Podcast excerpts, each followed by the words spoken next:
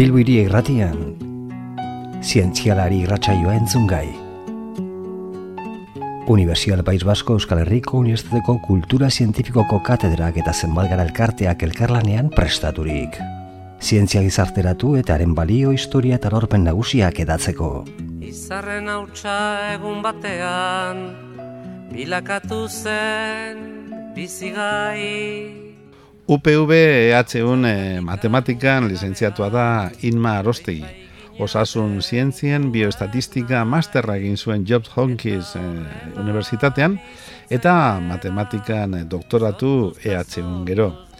Gaur egun UPV EHUko Biostatistic Research Group delakoaren ikertzaile nagusia da eta irakaslea unibertsitate berean zientzia eta teknologia fakultatean. horretan denok batera, gogor kiloturi gaude. Zientzialari irratsaioaren emankizun honetan matematika eta osasuna ustartzen saiatuko gara. Bueno, hobeto esatearren, matematikak osasun zientzietan dituen aplikazioak ikusiko ditugu inma arostegi ikertzaileak eh, lagunduta. Berak eh, gero azalduko digunez, jende gehienak, are osasun arloko ikasketak egitea pentsatua duten ikaslek ere, ba ez dute uste erlazio handirik dagoenik eh, matematika eta osasunaren artean baina realitatea bestelakoa da. Eta gero eta gehiago dira osasunari eragiten dioten erabilera eta eredu matematikoak inma arostegik kontatuko digunez. Gure artera etorri da, gure estudioetara etorri da, eskerrak emango dizkio, lehenengo eta bat, ongi etorriare bai, kaixo, haupa, inma. Kaixo, eta eskerrik asko. Bueno, ba, osasuna eta matematikaz jardun behar dugu, bide barrieta kulturunean itzaldi polit-polit bat eman zenuen gai honen inguruan, hori entzuteko parada izan dugu, eta egia esan gu ere harritu gara, eh? zenbaterainoko bueno, e, komustadura, erlazioa, lotura, ustardura dagoen matematika eta eta osasunaren artean eta ondo iruditzen bazaizu, ba, prestatu dugun galdetegiari ekingo diogu. Eh? Edertu aurrera. Eta lehenengo galdera hortan, bueno, ba, ez dakit, eh? nik esango nuke, berez, ez dirudi, berez, ez da, ez dirudi, matematika eta osasun izenak horrela esan da, biak elkartzeko aukera handirik eh, dagoenik, zendagai baten osagaien kalkula egiteko espada behintzat nire matematika apurrean. Horrela alda? Ez da horrela, ez da? Ez, ez da horrela pentsa ere. Gaur egun zientzia askotan, ez bakarri medikuntzan, agian medikuntzan ez ezagunagoa da, baina e, zientzia gehienetan datuak biltzen dira, datuak eskuragarri ditugu eta eta datuak eskuratzeko aukera handiak ditugu eta metatzeko eta datu guzti hoiek e, erabili beharko genituzke eta erabiltzen ditugunean e, maitzak ateratzeko eta bueno, ba, jendearen e, ongizatea bermatzeko neurri baten edo aldugun einean horretan lan egiteko datuen analizia datorkigu burura eta datuak analizatu behar direnean ba hor ateratzen da matematika eta hain zuzen matematikaren arloa den estatistika eta erabilera ugari daude bai medikuntzan eta bai beste zientzia batzuetan. Beraz, laburtuta ondo lortu badut, medikuntzak datuak analizatu behar ditu eta datuen analizia matematikaren zeregina da. Bai. Beraz, hortxe dugu lotura, ez da? Hori da. Lotura beinena edo oinarrizkoena. Bai, simpleena seguruenik. Erki. Bueno, e, inkestak edo iritziak, ez dakit nola deituzuk esango didazu, e, inkestatxoak eginak dituzu, batxillergoko ikasle batzuen artean, matematika zerekin lotzen duten jakitearren, eta emaitza nahiko harrigarriak azaldu zitzaizkizun, ez da, Irma? Bai, Konta iguzu. bai, egia esan, e, ez dakit inkesta dituko nioken, porque, bueno, hori izan zen niri okurritu zitzaidan eritxia jasotzeko modu bat, niri proposatu zidatenean guk egiten genuen lana, guk ni matematikarian naz, orduan matematikan lan egiten dut, guk egiten dugun e, lana e, gizarteari erakusteko e, divulgazio hitzaldi bat ematen gonbidatu nindutenean, ba, hasi nintzenean pentsatzen zertaz hitz egingo nuen eta nire matematikaren erabilera medikuan medikuntzan e, asaltzeko, jendeak ulertzeko erresa izango zuen e, pentsatzeko, ba, jakin nahi nuenia zein zen batxillergoko ikasleak, eta hain zuzen e, osasun zientzietako ikasketak egin nahi dituzten ikasleak, uste bazuten beraiek matematika baliagarria izango zuten, edo lagungarria izango zuten bere etorkizuneko lanean, edo ikasketetan. Eta ba, inkesta txiki bat e, egin nuen, eritxia jasotzen zentutxo mhm. baten, eta e, maitzak egia esan e, negargurea eman zidaten. Gehien bat, ba, osasun zientzietako ikasleak, uste dute matematika ez, ez duela esertarako balio beraien etorkizuneko ez lanbidean ez da, ez da ikasketetan ez diotela balioko ez direla beharrezkoak gainera ez dute gogotzu ikasten matematika naiz eta beraien emaitzak oso onak diren ikasle onak direnez ba, ikasi behar dutenean ikasten dute eta nota ona ateratzen dute baina ez dute uste hori beharrezkoa izango dutenik eta areta gehiago. Eskatu genienean identifikatzeko ze ikasketetan e, matematika erabiltzen zen, ba, ia ia e, osasun zientzietako graduak edo gradu ondoko ikasketak ez zituzten ez da identifikatu ia ia batek erez. Eta hori mm -hmm. oso tristea iruditu zitzaigun matematika. Gehien bat e, fizikarekin, e, ingeniaritzarekin lotzen ez dituzten, baina ez osasun zientziekin, ez da? Hori da, lotzen dituzte matematikak e, e, zientzia teknologikoetekin nola baita, mm -hmm. ingenieritzak, matematika bera, fizika, eta informatika, konputazio horrelakokin, eta areta gehiago gizarte zientziekin ere, ekonomia edo administrazio Aha. enpresekin ere lotzen zituzten maizago zientzia esperimentalak eta osasun zientziekin baino gehiago. Osasun zientziak diogunean, inma, e, zeintzu zientziez ari gara? Medikuntza bera? Bai, erizaintza, e, medikuntzari historiko kilotuta egon direnak, ba, medikuntza erizaintza eta jan, odontologia ere, gaur egun fisioterapia ere, baina baita ba, farmazia, ingurumen zientziak, e, elikadura zientziak, eta baita biologia, e, biokimika, bioteknologia, psikologia ere osasun zientzia kontsideratzen da, hola, zailkapen eskuntzan egiten den zailkapenean, bai, bai psikiatria medikuntzako arlo bat izango litzateke. Guzti horiek osasun zientzien barruan, eh? bai. Uste dugun baino gehiago. Bai. Eta denetan behar da matematika.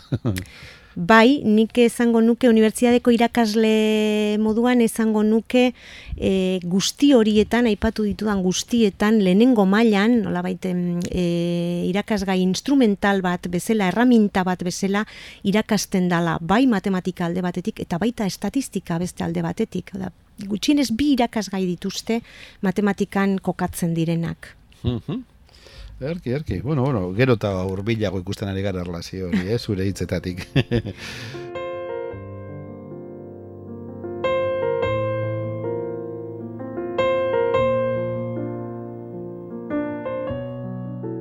bueno, eh, diosunez, eh, matematika, inma, ezinbestekoa da osasun indize berriak neurtzeko orduan. Hori entzun dut, zuri itzaldian, eh?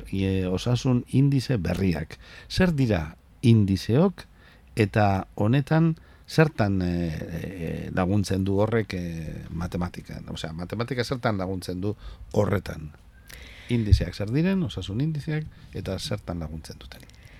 Bai, en, e, osasun indize berriak aipatzen ditugunean testu ingurua ulertu behar dugu apur bat. Ez? Testu ingurua da gaur egungo gizartea, ba, zahartzen ari da, orduan e, osasuna neurtzeko, e, ez genuke izango osasuna osasuntzua ez da pertsona bat soilik gaixo ez dagoenean, baizik eta gaixo ez egoteaz gain gauza gehiago eskatzen diogu gaur egungo gizakiak osasuntzu egoteari.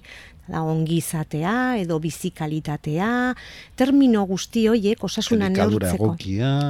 Hori da, edo, edo e, e, oitxura osasuntzuak, guzti hori denok entzuten ari gara egunero, eta dira gure osasuna neurtzeko erabiltzen diren indizeak baina indize hoiek edo parametro hoiek neurtzeko ez ditugu erraminta garatuak edo ez dira hain simpleak guk ter, temperatura neurtu nahi badugu, ba, termometro bat daukagu, Mhm. baina bizikalitatea neurtzeko ez daukagu termometrorik.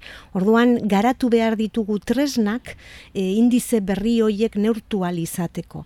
Eta e, em, gaixotasun kronikoen gizarte hontan ezinbestekoa da indize hoiek edo parametro hoiek neurtu izatea. Ban, hori garatzeko edo neurketa hoiek egin ahal izateko indize hoiek alde batetik garatu behar dira eta egokitzu behar dira gaixotasun zehatzetara, agian em, e, populazioko gizaki ezberdinetara ez da berdin neurtzea bizikalidadea gaztaroan edo sartzaroan, hizkuntza ere egokitzu behar da, oitxurak ere jaso behar dira osasuntzuak diren edo ez jasotzeko, orduan guzti hori egin alezateko e, erramintak garatu behar ditugu, eta erramintari hoi- hoiei deitzen diegu indize berriak. Mhm. Zertzan laguntzen, laguntzen diguten, ba, ez dakit tartean erantzun dudan ere laguntzen digute pertsonen osasuna neurtzen modu orotara, ez bakarrik indize gordinekin edo eh, eriotza tasak edo sendatze tasak, gaixo kronikoak ez dira sendatzen, orduan pentsatu behar dugu esain beste sendatzean, baizik eta bizikalidadea ongi izatea, neurtzean eta hori eh, nolabait kontrolpean izatean. Adibidez, asmatuko du nik adibide batea ondo ulartu dudan, ba, gaixo kroniko bat baldin badugu, eta medikuak esaten badu, bueno, estadistikek frogatzen badute, astean bi orduko, lau orduko kirola eginda horrek on egiten diola, ba hor bat daukagu, ezta? Nolabait, indize bat, persona horri aplikatuko geniokena, ezta? Adibidez. Bai, neurtu beharko genuke mm, e, zein den modu e, objektibo bat ariketa fizikoa neurtzeko eta hor gomendio bat eman alizateko. Mhm. Eta hori egia da, gero eta gehiago hartzen da kontuan. Ego gustatu zaite esan duzuna, eh? orain gaiz, osasuntsua ez da bakarrik eh, gaizorik ez da ona. Eh, egon daitekena ere, ez da, gaizorik egon gaitezke denok, ez da, eta osasuntzu mantendu behar dugu gaizorik ez egoteko hain zuzen. ere. Bai, nik uste gaur egun asko erabiltzen den e, termino bat izango litzateke em, norberak norbere osasuna neurtzeko gaitasuna izatea ere.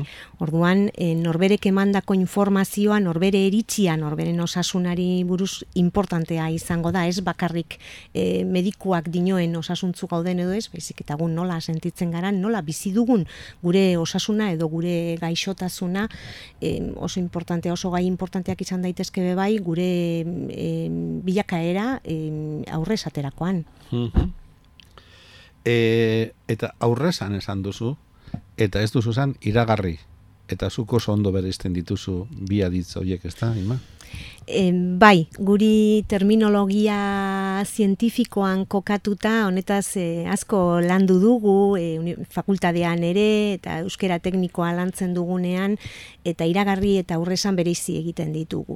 Kontua da guretzat, iragartzeak dauka nolako kutzu eh, asmatzeari lotutako kutzu bat, eta ordea aurrezan esaten dugunean, ba, eredu prediktiboak edo aurrezaleak aipatzen ditugunean hitz egiten ari gara, hor eh, atzetik probabilidade bat neurtzen ari garala eta mm, badagoela zoriskotasun edo ausaskoa den zati bat, baina beste zati bat kontrolatzen dugula nolabait eta hori eredu matematikoetan oinarrituz e, em, zerbait aurre esaten dugula gehiago gustatzen zaigu iragartzen dugula esatea baina. Zientzian ez zehaztasuna ezinbestekoa da, eta oso ondo, eh? E, aurrezatea gauza bat da, eta iragartzea beste bat. Eta eredu prediktiboak ipatu dituzu, eta hitz hori erabilita, izen ondori erabilita, e, hitz egin dezagun orain predit e, programaz. Mi, bularreko minbizia duten emakumeen bizitxaropena ba, neurtzeko balio duen e, e, nolabait programa informatikoa, ez da? Bai. Eta, okerrez banago, Britania handian eman zitzaion hasiera programa horri.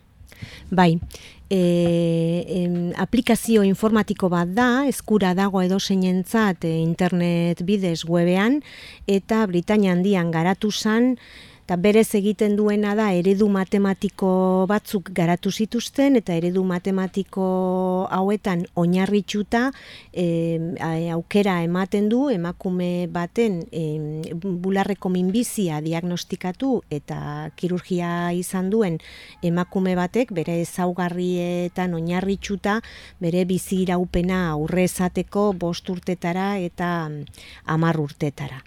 Duan, gehien bat mundu Britania hundian garatu zen arren mundu osoan erabiltzen da gaur egun eta gure gure mailan ere Euskal Herri mailan egokitzeko bai erabiltzen da eta egokitzeko bertoko populazioari nola egokitzen den e, ikusteko ikerketa lanetan e, ari gara azken urteotan. Kontua da berton ez daukagula oraindik gaixo talde bat 10 urteraino jarraipena izan duenik orduan ezin mhm. dugu euneko eun egokitzu, baina bost urtetara zaiatzen ari gara ikustenia funtzionatzen duen baita gure inguruko populazioarekin. Eta egiten duena da, ba, edo zein emakumek edo da zein medikuk dauka aukera ba, bere adina, bere e, minbizia detektatzeko modua zein denia baeketa programan edo sintomakin izan den e, osatu, e, baita tumorearen tamaina eta e, larritasuna, eta bueno, datu batzuk hor e, e, ematen zaizkio ereduari eta ereduak bueltatzen duena da, ze probabilidade dagoen, e, emakume hori bost urtetara bizirik irauteko eta hamar urtetara baita, eta gehitzen dio horri probabilidade hori nola e, haundia, haunditzen dan tratamendu ezberdinekin, e, hormonakin tratamendua izanik eta kimioterapia tratamendua gehitzen badiogu zenbat e, igotzen dan probabilidade hori neurtzen du. Eta emaitzak oso onak dira ikusi dudanez. Eta bizitzaropena bost urtera arte heltzen diren emakumeen kopurua eta are amar urtera arte heltzen direnena ere handiak dira. Bai, printzipioz emakume bakoitzaren e, zaugarrien menpekoak dira probabilidade horiek, baina kasu asko daude bost urtetara, ba, uneko laro eta marretik e, gorako bizi iraupena dutenak, eta gehiago tratamenduarekin, eta bai amar urtetara ere, zenbaki orokorrak ez dakizkit, baina bai irurogeta, uneko irurogeta amarretik gorako bizi iraupena duten emakumeak e, ugari dira. Mhm.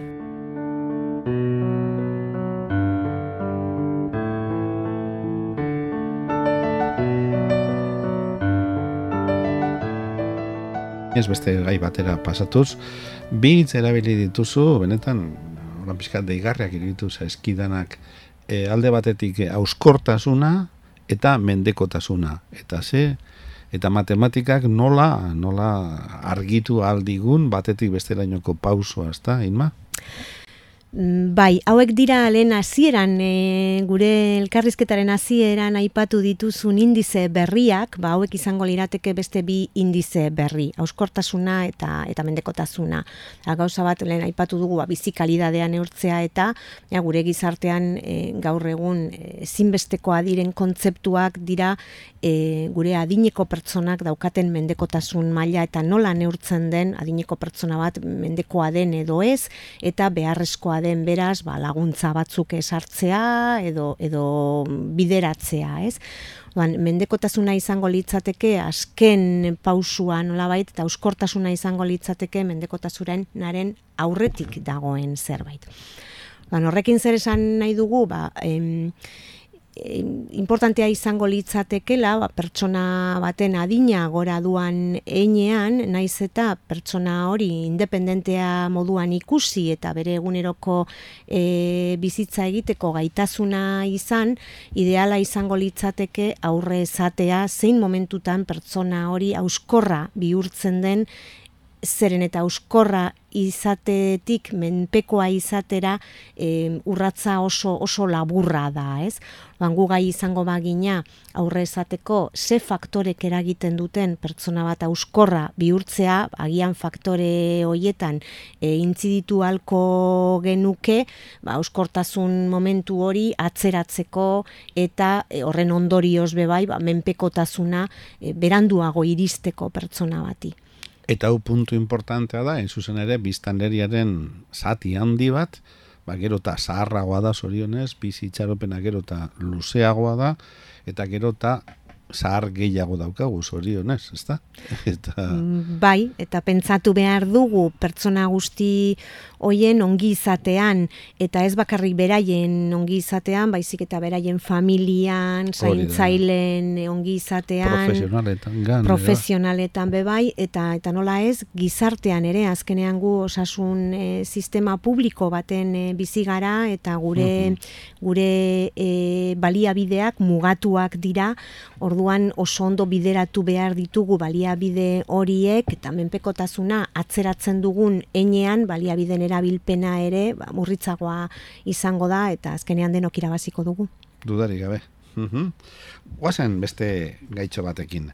E, ikusten ari garen ez ez dakite gokia den, eh? berra zuk esango didazu. E, estadistikak parteidetza handia dauka medikuntzaren hainbat arlotan. Holan bapatean, flash batean e, esan da, inma, e, estadistika eta osasun zientziak non ikusten, non kokatzen duzu estatistika ze irudi etortzen zaizu, estadistikak ikusten ditut hemen, horran... Bai, ba, nik esango nuke datuak dauden e, toki guztietan estadistikak ikusten ditu dela eta eredu matematikoak estadistiken atzean ikusten ditu dela.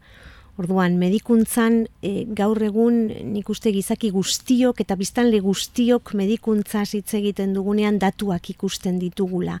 Eta hain errez daukagu zarrera bebai datuetara edo zein momentutan interneten sartzen gara eta aukera daukagu hor datuak ikusteko, e, albisteak irakurtzeko, ze, ze zenbakita, ze portzentajetan mugitzen ari garan jakiteko, eta orduan guzti horren atzetik estatistikak daude ez bakarrik estatistikak zenbaki hoien kalkulutan, baizik eta hoien atzetik dago estatistika e, zientzia bezala dago kalkulu hoien e, komplexutasuna e, erresagoa egiteko gero guri iristen zaigunean edo internetetik edo edabideetatik.